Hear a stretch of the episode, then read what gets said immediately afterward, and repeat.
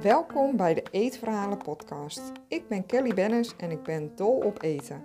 In mijn podcast deel ik verhalen over lekker eten, vooral in Servië, en ik laat je de kant achter eten zien, de psychologie van eten.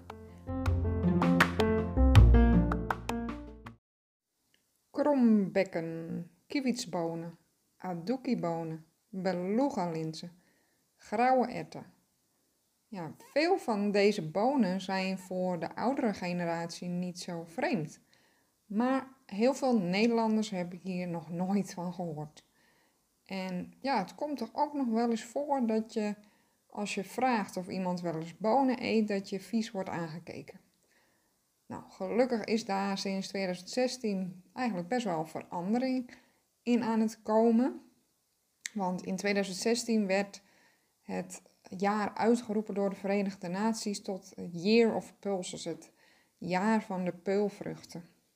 En sindsdien zijn er eigenlijk best wel mooie recepten verschenen. Een mooi kookboek van Joke Boon. Bonen heet dat. En haar naam is echt Boon. En ja, ze doet haar naam eer aan, want ze heeft ook net een boek uitgebracht over linzen. Dus allemaal recepten met linzen. En ja, want dat beantwoordt eigenlijk ook gelijk de vraag: wat, wat moet je er nou eigenlijk mee met die linzen? Of met die bonen? Hoe maak je er iets lekkers mee? Ja, zoals ik al zei, de oudere generatie was wat meer bekend met bonen. En ja, bij ons zijn ze een beetje in de vergetelheid geraakt. Uh, tegenwoordig zie je ze wel weer terugkomen ook in recepten. Maar nou, onwijs populair is het nou toch ook weer niet. En dat is jammer, want uh, bonen zijn echt super lekker, heel erg uh, gezond. En je kunt er heel veel kanten mee op. Je kan er allerlei lekkere dingen mee maken. En als je bijvoorbeeld wat minder vlees eet of geen vlees eet, of vis, dan zijn bonen een hele mooie vervanger, omdat ze veel eiwit bevatten en aminozuren.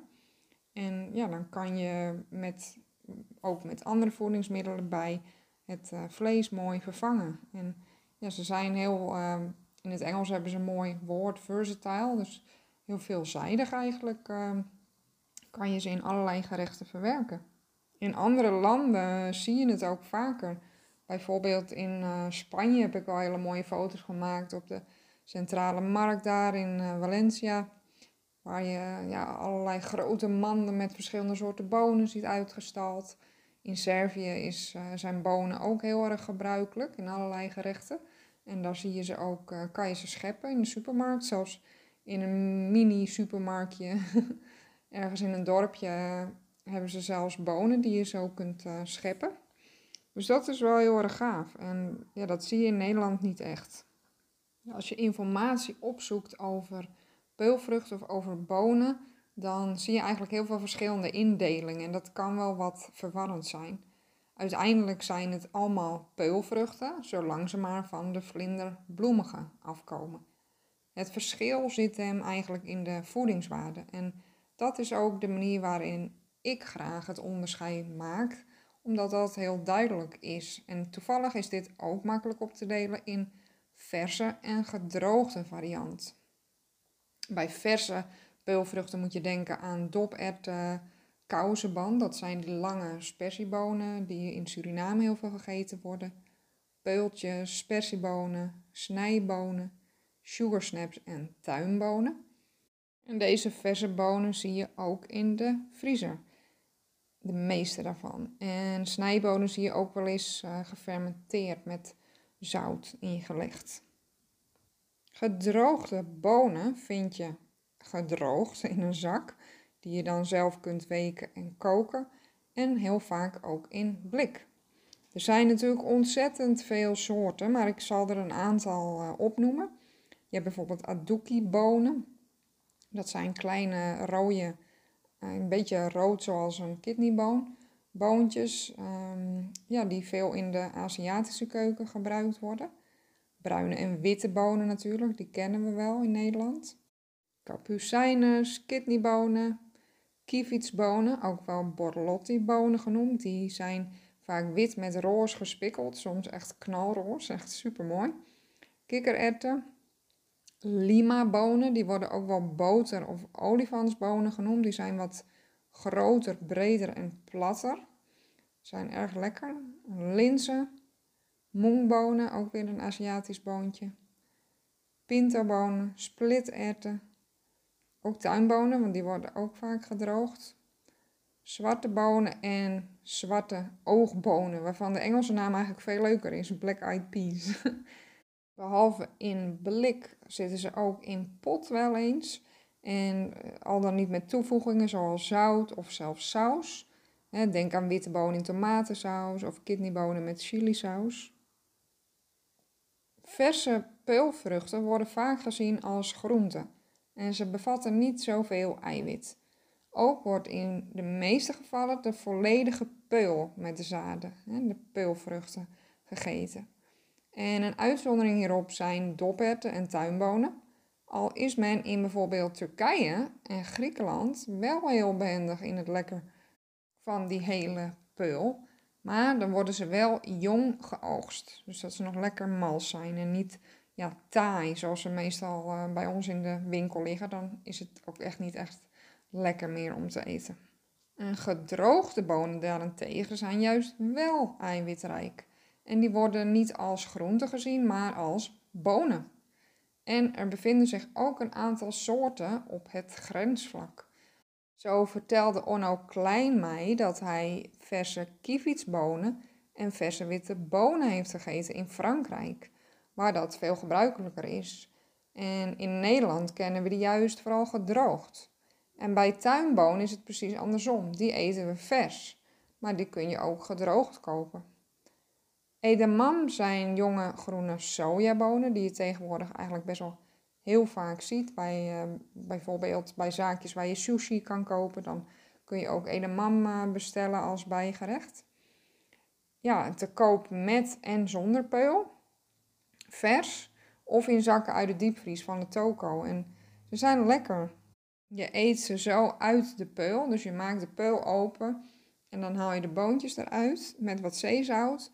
Of je kunt ze bijvoorbeeld lekker in een curry verwerken zonder peul.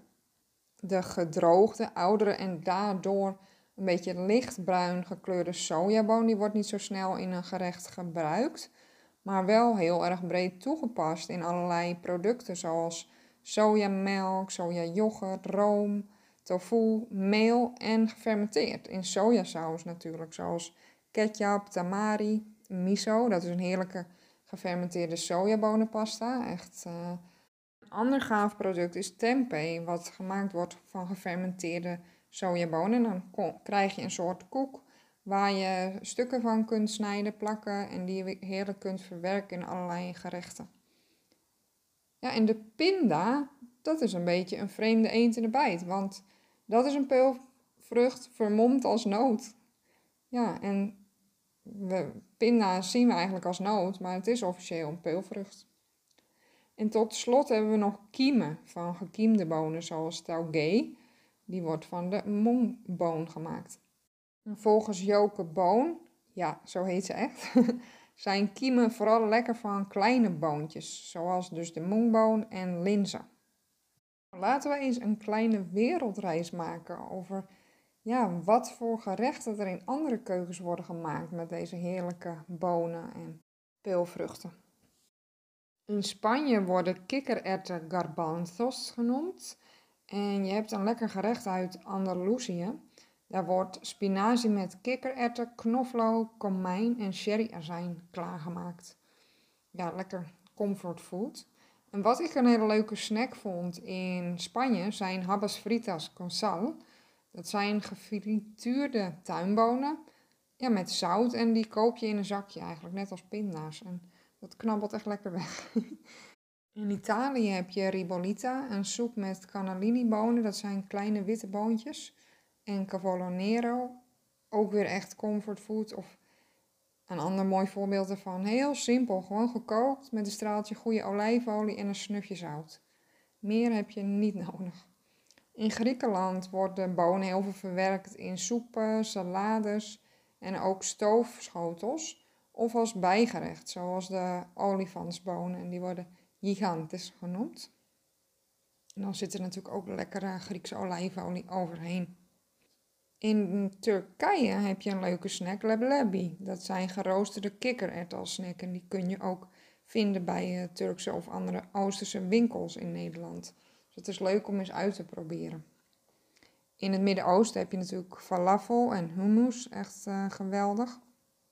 In Mexico worden ze verwerkt in bijvoorbeeld tortillas met een lekkere saus met zwarte bonen. En dat is niet de zwarte bonensaus zoals we ook wel in de Chinese of Aziatische keuken zien, want dat is weer een gefermenteerde saus.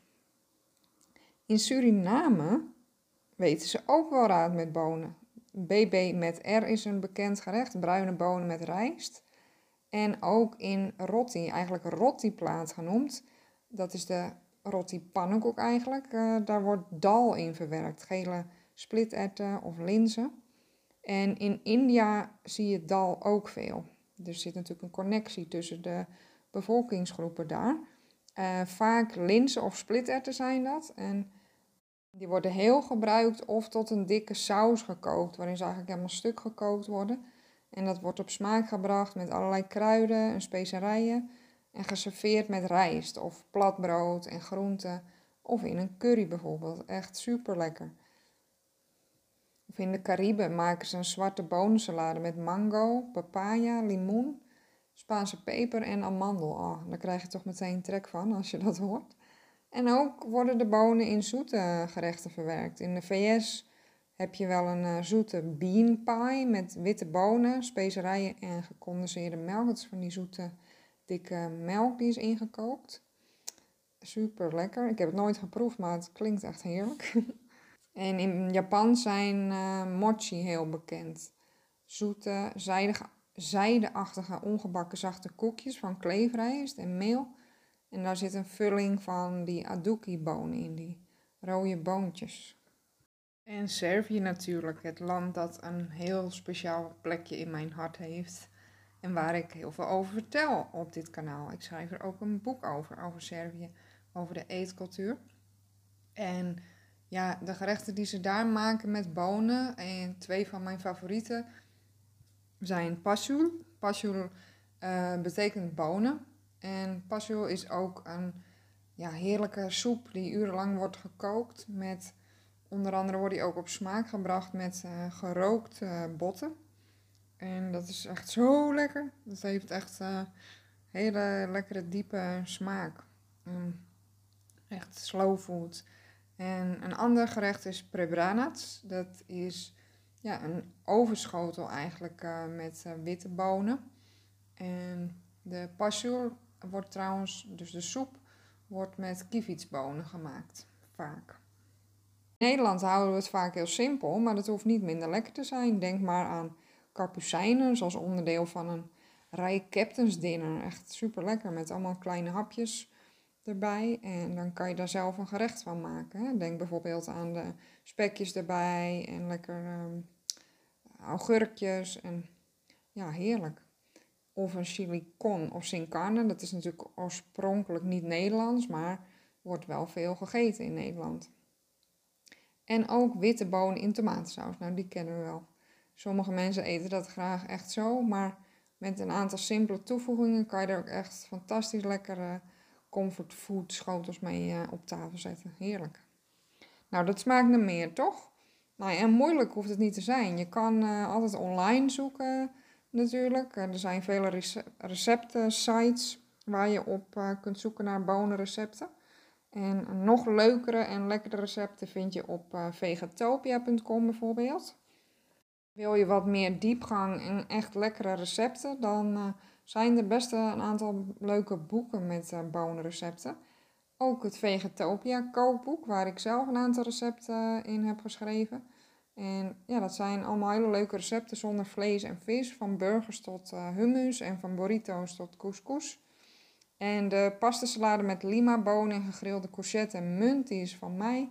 En ja, leuk als je daar een recept uit uitprobeert. Nou, het, het boek over bonen is natuurlijk Bonen van uh, Joke Boon. Dus ga die zeker ook uitproberen, dat boek. En ja, en mooie boeken zijn ook van Dale Pinnock. Eet je zelf gezond en eet als medicijn. Daar staan een heleboel eenvoudige gerechten in, maar heel kleurrijk en divers. En bomvol met smaak, veel vegetarisch, beetje vlees, beetje vis. En bijvoorbeeld een adoki bonendip met knapperige crudités. Dus dat zijn allemaal stukjes groenten die je daarin kan uh, dopen. Cannellini bonen met boerenkool, knoflook, parmezaan en chili. Zoals je ziet is dat een beetje geïnspireerd op, de, ja, een beetje op die ribolita en uh, ook misschien een beetje wel op dat Spaanse gerecht, een beetje een mix daarvan. En een tonijnsteek met kruidige bonensalade.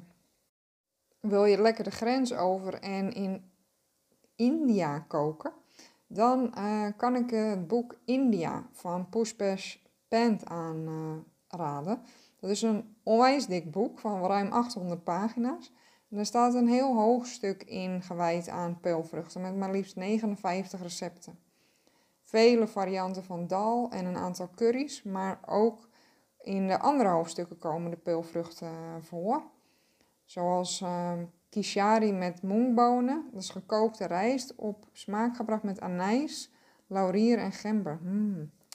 Klinkt supergoed, toch? In een van die boeken, ik heb het hier voor me, van Dale Pinnock, Eten als medicijn, staat een van mijn favoriete recepten met bonen, met linzen. En dat is een pittige kokosdaal. En dat is echt super lekker. Het is een mix tussen de Thaise en Maleisische keuken. Ik ben zelf niet echt bekend met uh, peulvruchten uit de Thaise keuken. Maar ik denk dat deze dal, uh, ja, dat die ook wel in Maleisië wordt gemaakt. En dat de smaken meer een beetje Thais zijn. Dus op die manier. En er zit uh, citroengras in, rode ui. Ik doe vaak gewoon ui. Kan ook prima. Knoflook. Um, een groene of een rode Spaanse peper. Bonen natuurlijk. Rode linzen.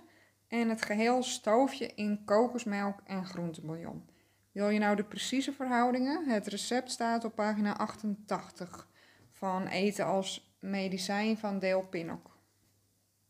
En dat uh, laat je lekker pruttelen tot het uh, gaar is, tot de bonen helemaal zacht zijn. Verse koriander erbij, limoensap eroverheen. Echt heel erg lekker. Echt heel erg lekker. Elke keer als ik dit eet, denk ik: wauw, wauw, wauw. het is echt zo lekker. En, uh, dus probeer het eens uit. Heel lekker. Welk gerecht ga jij uitproberen met bonen na deze podcast? Of misschien heb je al een favoriet gerecht. Ik hoor graag van je. Laat het me weten via Instagram. En vooral met een foto erbij is natuurlijk extra leuk. At Kelly Food. Of stuur me een mailtje food at. Super leuk om jouw lekker recept te zien of te horen. Oké, bedankt weer voor het luisteren en tot de volgende aflevering. Ciao!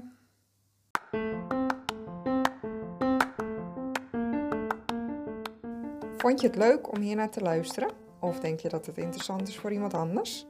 Deel mijn podcast, bijvoorbeeld met een screenshot op Instagram en een tag naar mijn account. Alvast super bedankt. Kunt me bereiken via kellybennis.nl en daar vind je ook mijn social media kanalen. Heb je een vraag of een verzoek voor een bepaalde aflevering? Laat het me weten. Dat vind ik echt super leuk als jij ook je input geeft. Tot de volgende aflevering.